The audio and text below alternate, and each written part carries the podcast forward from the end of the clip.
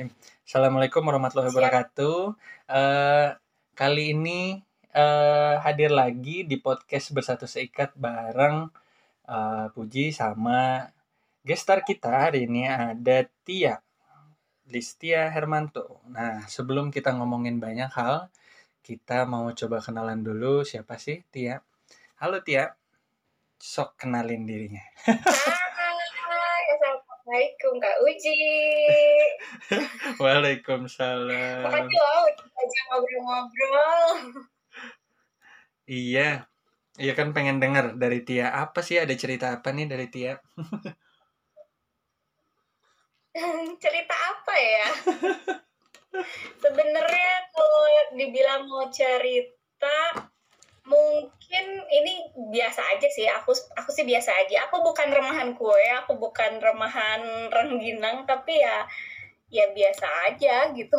Maksudnya sama-sama punya cerita punya peran masing-masing yang mungkin uh, apa ya tidak aku pemain di balik layar lah gitu. Hmm. tapi sekarang kesibukan apa sih ti kesibukan aku sekarang uh, tetap ya praktisi komunikasi. Jadi aku ada beberapa anak bimbingan di bawah bimbingan aku yang uh, belajar tentang attitude, belajar grooming, belajar public speaking tuh ada. Jadi aku lebih ke private gitu kalau itu ya ngajarnya. Bukan di ranah akademis, masih di ranah non formal dan aku juga sekarang lagi ada komunitas yang berkaitan juga sama bisnis aku. Itu apa ya kayak memberdayakan perempuan-perempuan deh gitu. I see. Oke, okay. terus sambil berusaha berwirausaha ya? Sambil, iya sambil ya usaha bisnis tetap jalan, tapi sebisa mungkin bisnisnya sih uh, apa ya bermanfaat nggak cuma untuk aku bermanfaat juga buat orang-orang lain jadi ya dari bisnis itu aku muterinnya bukan muterin ke modal secara fisik tapi aku muterinnya aku ikut pelatihan ini itu aku ikut training ikut apa deh sesuatu yang baru yang bisa aku pelajarin dan aku kasih lagi ke orang-orang di komunitas aku itu gitu. I see.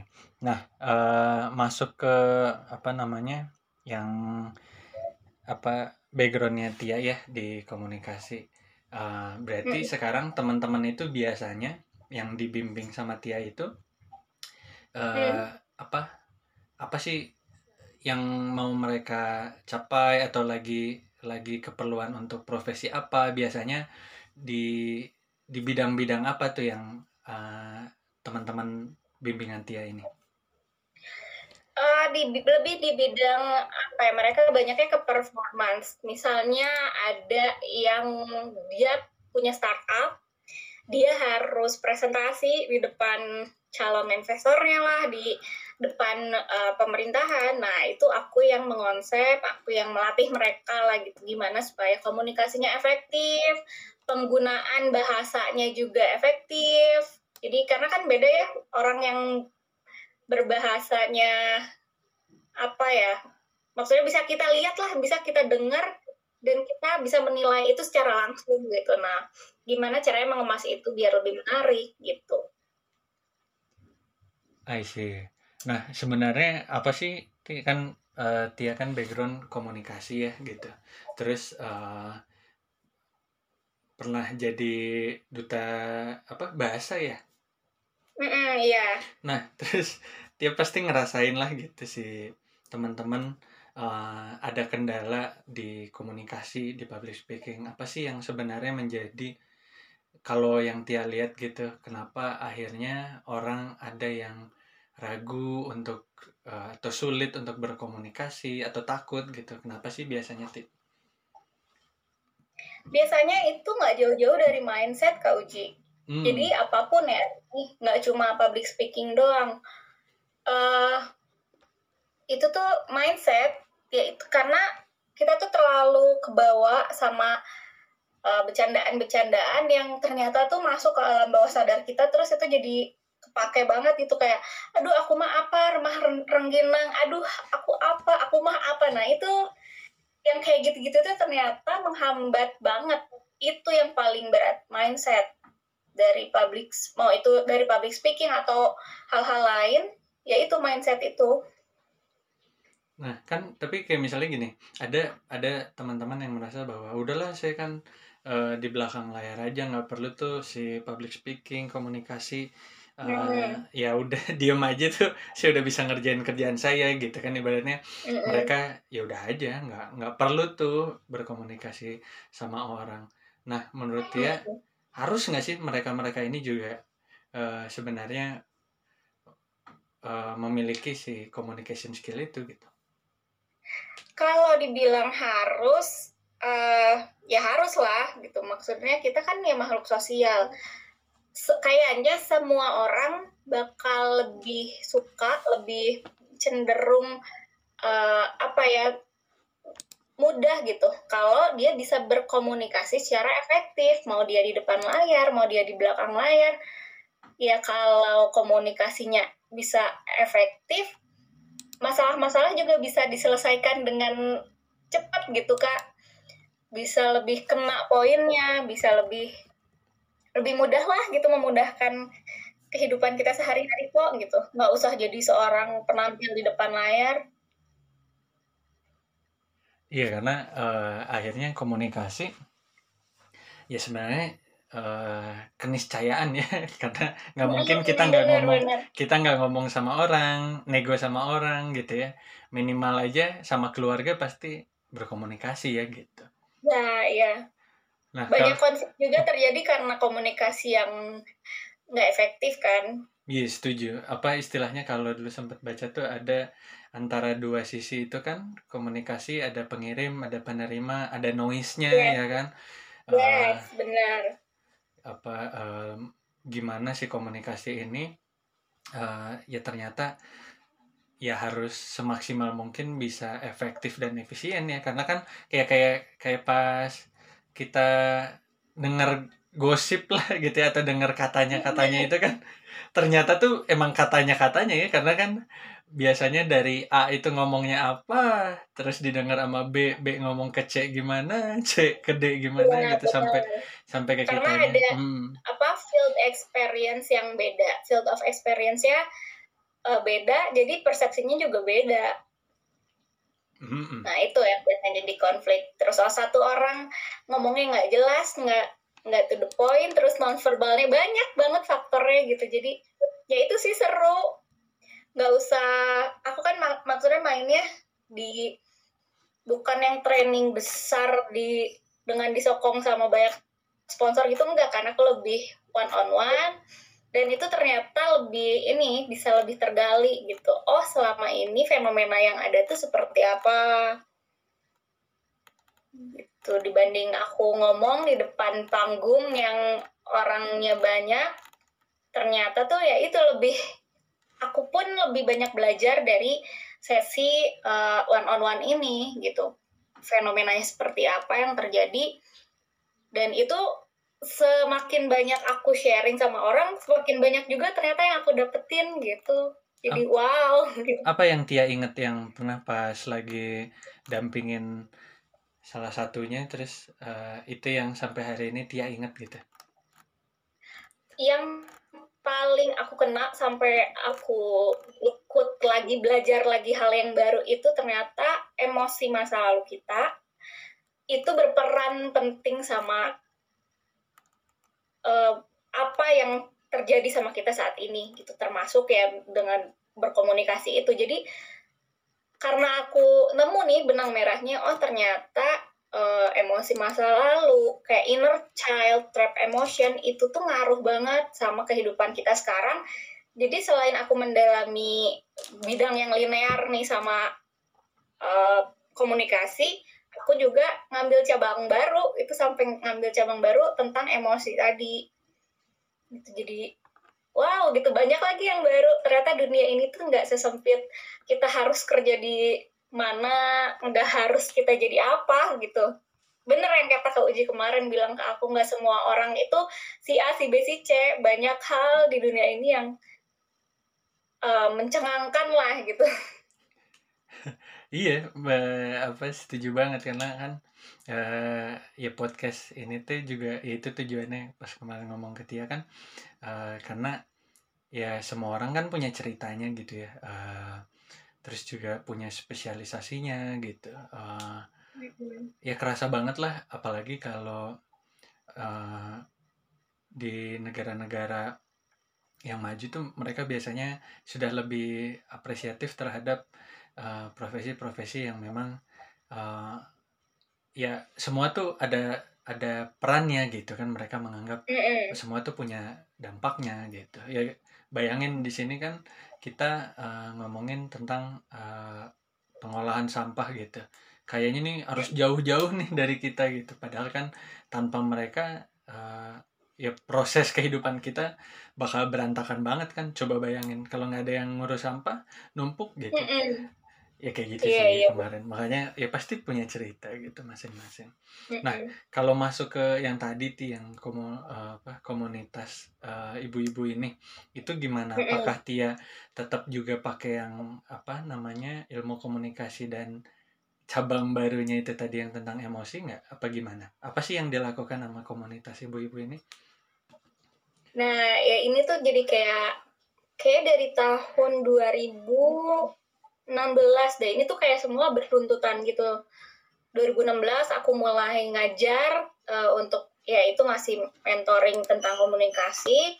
Di saat yang sama juga aku banyak belajar lagi aku belajar hal baru tentang emosi. Nah dari situ aku ketemu kayak mataku tuh kebuka oh ternyata saat itu kan hmm, aku tuh jadi baru jadi ibu gitu. Seorang ibu baru lah ternyata dengan status ini orang-orang di luar sana yang posisinya sama kayak aku banyak merasa terbatasi.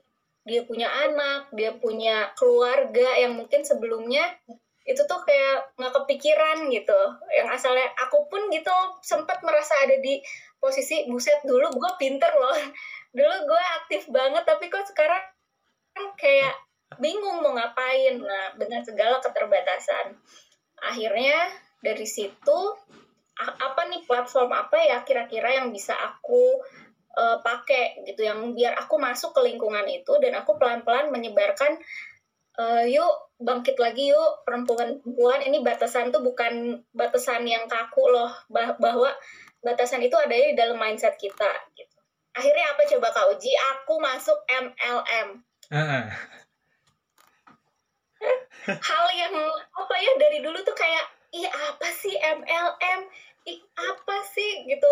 Terus uh. ada istilah ini kalau temen lama ngehubungin pasti mau nawarin MLM gitu ya. Uh. Dan akhirnya aku masuk MLM supaya apa supaya aku masuk ke komunitasnya aku bisa ada uh, di posisi menyebarkan si energi aku ini nih menyebarkan mindset aku yang orang-orang lain juga bisa loh gitu.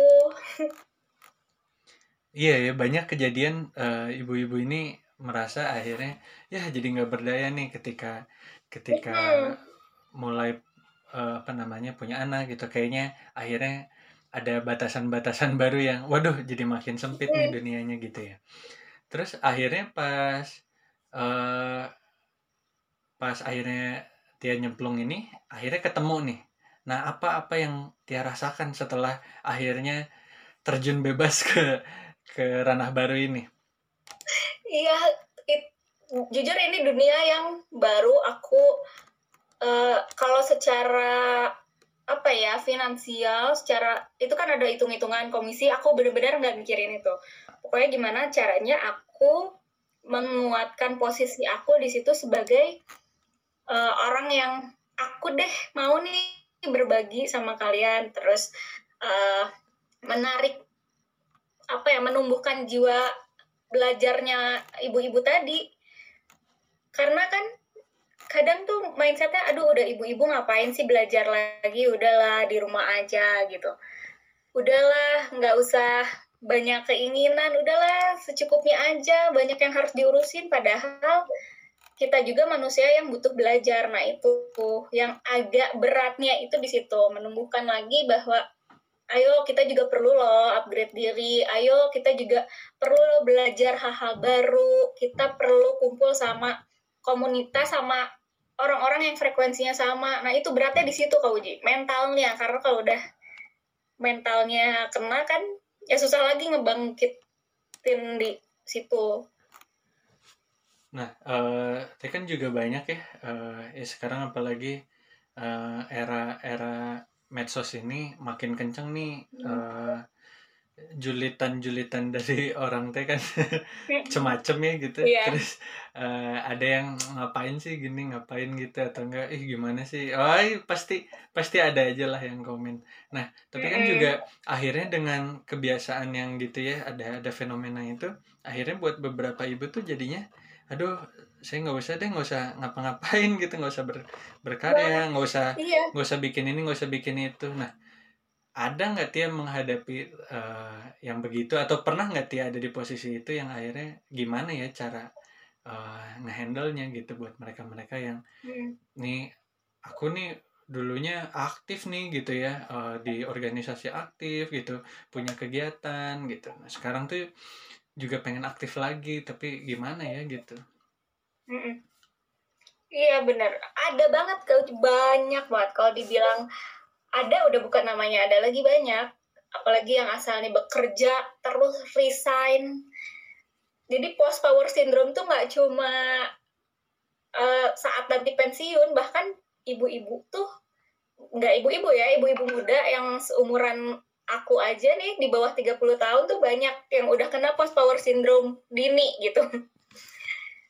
Hmm. itu caranya gimana ngebangkitin mereka eh, aku pertama aku sombong aja dulu bener. Maksudnya sombong di sini adalah aku pede kan aja udah tahu gitu ya. tuh apa yang aku mau omongin apa yang mau aku lakuin tuh udah aku udah tahu berarti aku harus benerin dulu diri aku yang biar aku bisa dilihat sama orang nggak sebelah mata. Oh ternyata seorang Listia tuh bisa ya jadi begini begini begini gitu.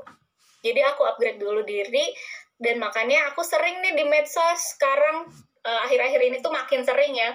Kayak kalau aku lagi mentoring aku posting. Kalau aku lagi nge- ngelakuin kegiatan apa aku posting bahwa ini tuh usaha loh gitu. Ini tuh usaha kamu teh kalau mau pengen hidup enak harus ada usaha.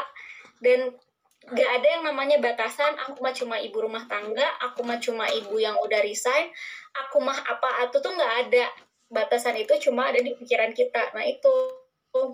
Jadi aku ikut pelatihan ini itu kalau boleh jujur kau uji keuntungan aku di MLM itu lumayan ya. Aku puterin laginya buat apa aku ikut lagi pelatihan sertifikasi apa pun yang itu tuh kan nggak murah ya. Biar apa? Biar orang itu melek. Biar ayo dong ih perempuan-perempuan tuh gimana ya kalian tuh kenapa? Gitu. What's wrong? Gitu. Aku aja bisa. Ayo kamu juga bisa. Biar gitu kau uji biar orang-orang tuh melek gitu. I see. Ya apa namanya? Eh, ya pede aja ya. Maksudnya kan dalam artian kan Pede juga aja hmm. Ya selagi masih positif tidak mengganggu orang gitu ya. Maju Mm-mm, aja. bener. maju aja. Makanya aku selalu bilang sama murid-murid aku sombong itu maksudnya sombong dalam tanda kutip ya sombong itu nomor satu karena kualitas mah udah jelas prioritas ya. Sombong itu nomor satu kenapa? Supaya selain kita bisa nunjukin buat orang kita juga kayak memupuk kepercayaan diri kita memupuk self efficacious kita gitu bahwa kita tuh bisa melakukan tugas yang jauh lebih besar dari pikiran kita gitu Mm. Nah, terus eh, apa apa yang sebenarnya kalau misalnya kan eh, sekarang Tia punya grup lah berarti ya di di jejaringnya Tia nih gitu.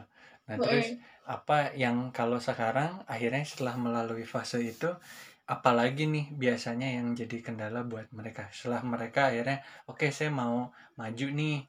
Saya mau eh, tadi kan ada ketakutan akhirnya dia berani maju nih. Nah setelah itu setelah bergabung misalnya setelah menjalani apa aktivitasnya eh, setelah berkarya lagi terus biasanya apa sih yang jadi kendala dan gimana tuh ngehandle-nya?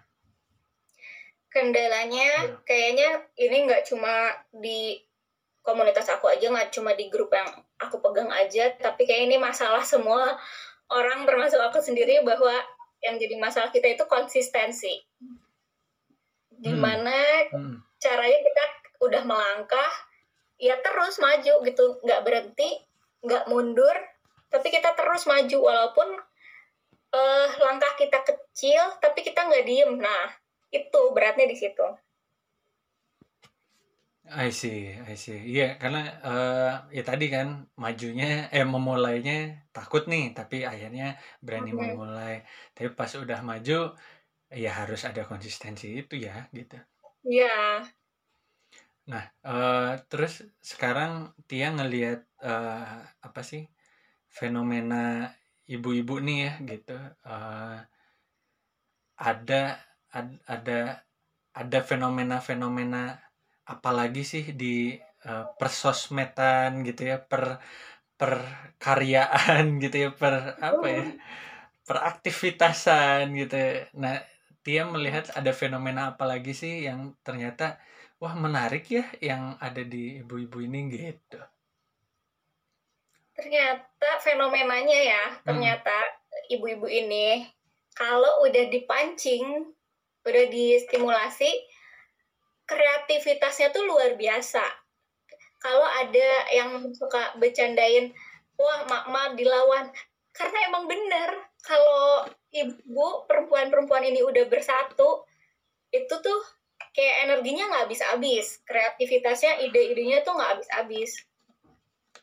Jadi bukan ber- bukan apa ya, suka ada, aduh aku mah apa, eh bukan aku mah apa, tapi kamu aja belum nemu lingkungan yang pas untuk ber- berkembang gitu. I see. Eh, yang balik dikit ya ke yang sebelumnya. Pernah nggak apa eh, ada kata-kata yang mungkin Tia inget gitu dia eh, mendiskriminasi atau meremehkan atau atau eh, misalnya ada ada seseorang yang akhirnya in positive way eh, menasehati Tia terus Tia inget gitu nancep sampai hari ini tuh dan itu jadi pegangan hidupnya Tia gitu ada nggak? Aku dibanding omongan-omongan yang pujian apa, aku tuh nggak terlalu ini ya. Cuma yang paling nancep ke aku, yang jadi motor aku nih, jadi motor aku buat terus bergerak sampai sekarang. Aku kan kuliah, terus ya mati-matian ngambil S2 lagi, dan ujung-ujungnya aku memilih untuk tidak bekerja uh, secara di sektor formal. Itu tuh kayak banyak yang ih ngapain S2 gitu ngapain lo kuliah? Udah ujung-ujungnya jadi ibu rumah tangga. Terus begitu aku mulai uh, masuk yang ke MLM itu tadi Hmm. ada lagi yang nyinyir alah MLM doang mah lulusan ina inu ina inu juga bisa lah nggak usah kuliah. Tapi kan nah itu yang jadi motor aku bahwa yang aku cari pasti value-nya berbeda sama orang gitu. Dengan aku bekalnya udah kuliah pasti value-nya beda dong sama orang. Itu selalu jadi motor aku sih. Jadi bahan bakar aku gitu buat terus eh, berkembang buat terus eh, apa ya menyalurkan energi aku dan terus berbagi sama orang-orang di sekitar aku gitu bahwa mindsetnya coba diubah deh gitu bahwa kerja tuh nggak harus di korporasi nggak usah kamu jadi disorot sama dunia jadi penemu apa penemu apa nggak usah. Banyak hal yang nilainya tuh nggak nggak ter nggak ini nggak terbatas gitu yang bisa kamu lakukan. Gitu itu sih yang jadi motor aku yang jadi bahan bakar aku. Hmm, iya, eh, apa namanya? eh ya maju aja ya, maju maju terus, Mm-mm. maju eh berkarya aja gitu. Eh, orang orang mau bilang apa ya udah aja lah gitu ya, dah. Dah kumaha deui ya gitu. Kalau iya kalau kita tapi kan pada akhirnya orang-orang yang kayak gitu tuh ketika ngeliat eh, kemarin sempat aku posting sengaja nih aku posting aku dapat penghargaan dari kementerian ya udah aku posting aja ya. Karena kan tetap sombong nomor satu. Tetap sombong cuma ya niatnya bahwa nih apa yang kalian omongin yang dulu nyinyir sama aku yang dulu julid sama aku kalian mana karyanya kan? Dan akhirnya mereka merapat juga ke Uci. Hmm. Merapat juga ke aku gitu. Pada akhirnya. Ya pada akhirnya ya ya waktu itu karena karena tak kenal ya maka tak sayang gitu. Nah balik lagi ke awal yang duta bahasa itu ngapain sih ti? Dan eh, pengalaman apa yang Tia dapat dari sana gitu? Dan misinya apa sih sebenarnya duta bahasa nih? Jadi kalau di duta bahasa ada nilai yang kita pegang bahwa bahasa Indonesia itu wajib. Bahasa e, daerah itu harus dilestarikan dan bahasa asing itu ya perlu. Jadi kita nggak menutup mata bahwa ya lu mau belajar bahasa apalah apalah gitu. Bahkan mau bahasa gaul mau bahasa apa terserah. Tapi jangan lupa sama bahasa Indonesia karena bahasa kan jati diri bangsa. Ada bahasa daerah yang perlu kita lestarikan. Nah itu jangan sampai uh, bahasanya dianggap remeh karena kan bahasa berkaitan banget ya sama budaya sama ja, sama harga diri bangsanya itu ngaruh banget. Jadi jangan sampai kita uh, lupa lah. Itu kurang lebih sih si nilai yang kita pegang. Yang dilakukan apa aja? Ya, yang dilakukan terus untuk uh, menularkan si virus-virus cinta kebahasaan ini ya sih, dengan ke cara berbagai ini ke berbagai latar belakang. Aku tuh duta bahasa 2014 hmm. waktu awal lulus S1. Oh, eh, enggak. Ya. Awal lulus eh lu kuliah kuliah magister. Tapi sampai sekarang ternyata aku masih berperan di situ. Nah, itu nggak nggak ada kata udah purna, nggak ada kata udah turun jabatan tuh nggak ada. Karena ya terus kayak banyak loh gitu uh, kekayaan dari bahasa kita yang digun bisa digunakan. Bahkan kayak sekarang nih corona virus corona tuh banyak ternyata kosakata baru yang bisa digunakan. Itu nggak semua kata serapan.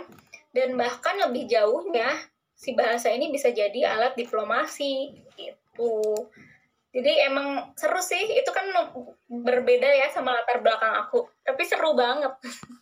Emang aku dasarnya suka ini sih nyemplung di mana aja jadi nanti kalau misalnya kan tadi nah sebagai duta bahasa nih terus dia melihat uh, ada bahasa bahasa baru ya kayak hmm. Anjayani gitu terus sebenarnya itu nggak apa-apa ada kata-kata lainnya sekarang kan ngab apa ya macam-macam lah anak-anak eh tapi kayaknya tiap hmm. generasi kan punya kata-kata ini sendiri ya jargon-jargon hmm. sendiri ya iya dan itu tuh sebenarnya nggak sekaku itu loh bahasa Indonesia tuh kayak opa yang di Korea Korea itu opa itu tuh udah masuk KBBI Kauji udah masuk oh, iya? kamus bahasa Indonesia loh oh, iya? sebagai panggilan panggilan pada uh, lelaki yang lebih tua dan punya kedekatan sama kita yang akrab banget gitu.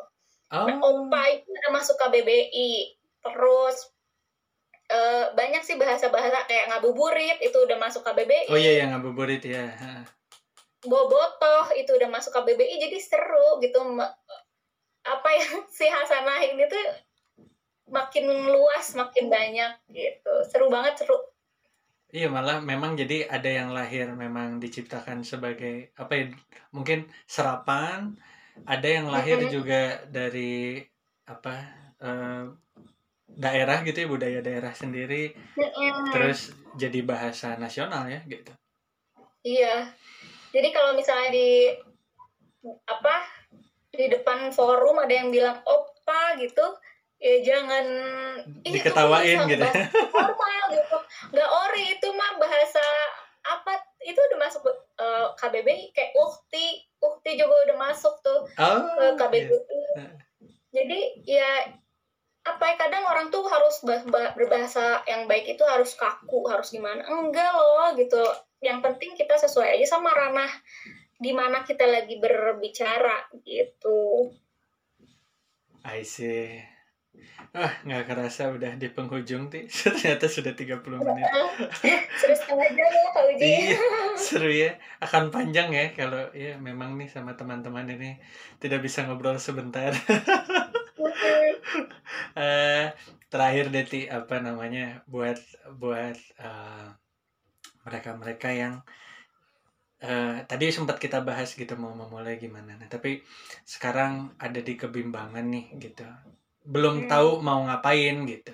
Kalau tadi mungkin dia udah tahu tapi mau memulai gimana gitu. Nah, tapi kalau sekarang aduh, ngapain ya gitu, bingung gitu karena mungkin ada yang kondisinya baru banget eh, lahiran begitu terus jadi ada mungkin terkena baby blues atau atau dia juga lagi kosong aja gitu eh, Mm-mm. aduh ngapain ya gitu nah menurut dia gimana nih buat mereka pesan-pesannya Pesan-pesan dari aku gak ada kata terlambat untuk mencoba banyak hal baru. Apalagi untuk yang generasi kita nih, kayaknya kamu mau coba apa aja tuh boleh. Banyak yang bilang, ah udah usia 30 udah terbatas. Ada yang bilang udah punya anak udah serba terbatas. Yang membatasi itu pikiran kita. Jadi kalau aku sih mau ngajak, yuk coba aja hal baru yang kamu mau, yang sekiranya itu bermanfaat minimal untuk diri sendiri. Lebih bagus untuk bisa dibagikan sama orang-orang di sekitar kita, gitu. Gitu aja sih Kak Uji. Oh, Oke Tia, thank you banget eh setengah jam ngobrol-ngobrolnya, insightful, inspiring. Eh, makasih, semoga eh, yang dengar juga pada eh, ngerasain manfaatnya, eh, bisa bergerak sesuai yang tadi eh, diceritakan dan juga dicita-citakan. Pokoknya semangat selalu, Tia sehat-sehat selalu. Terima kasih. Iya, Kak Uji sehat-sehat ya. Iya, teman-teman sampai ketemu di sesi berikutnya. Eh, makasih Tia, makasih teman-teman semua. Kak Uji. Assalamualaikum warahmatullahi wabarakatuh. Waalaikumsalam.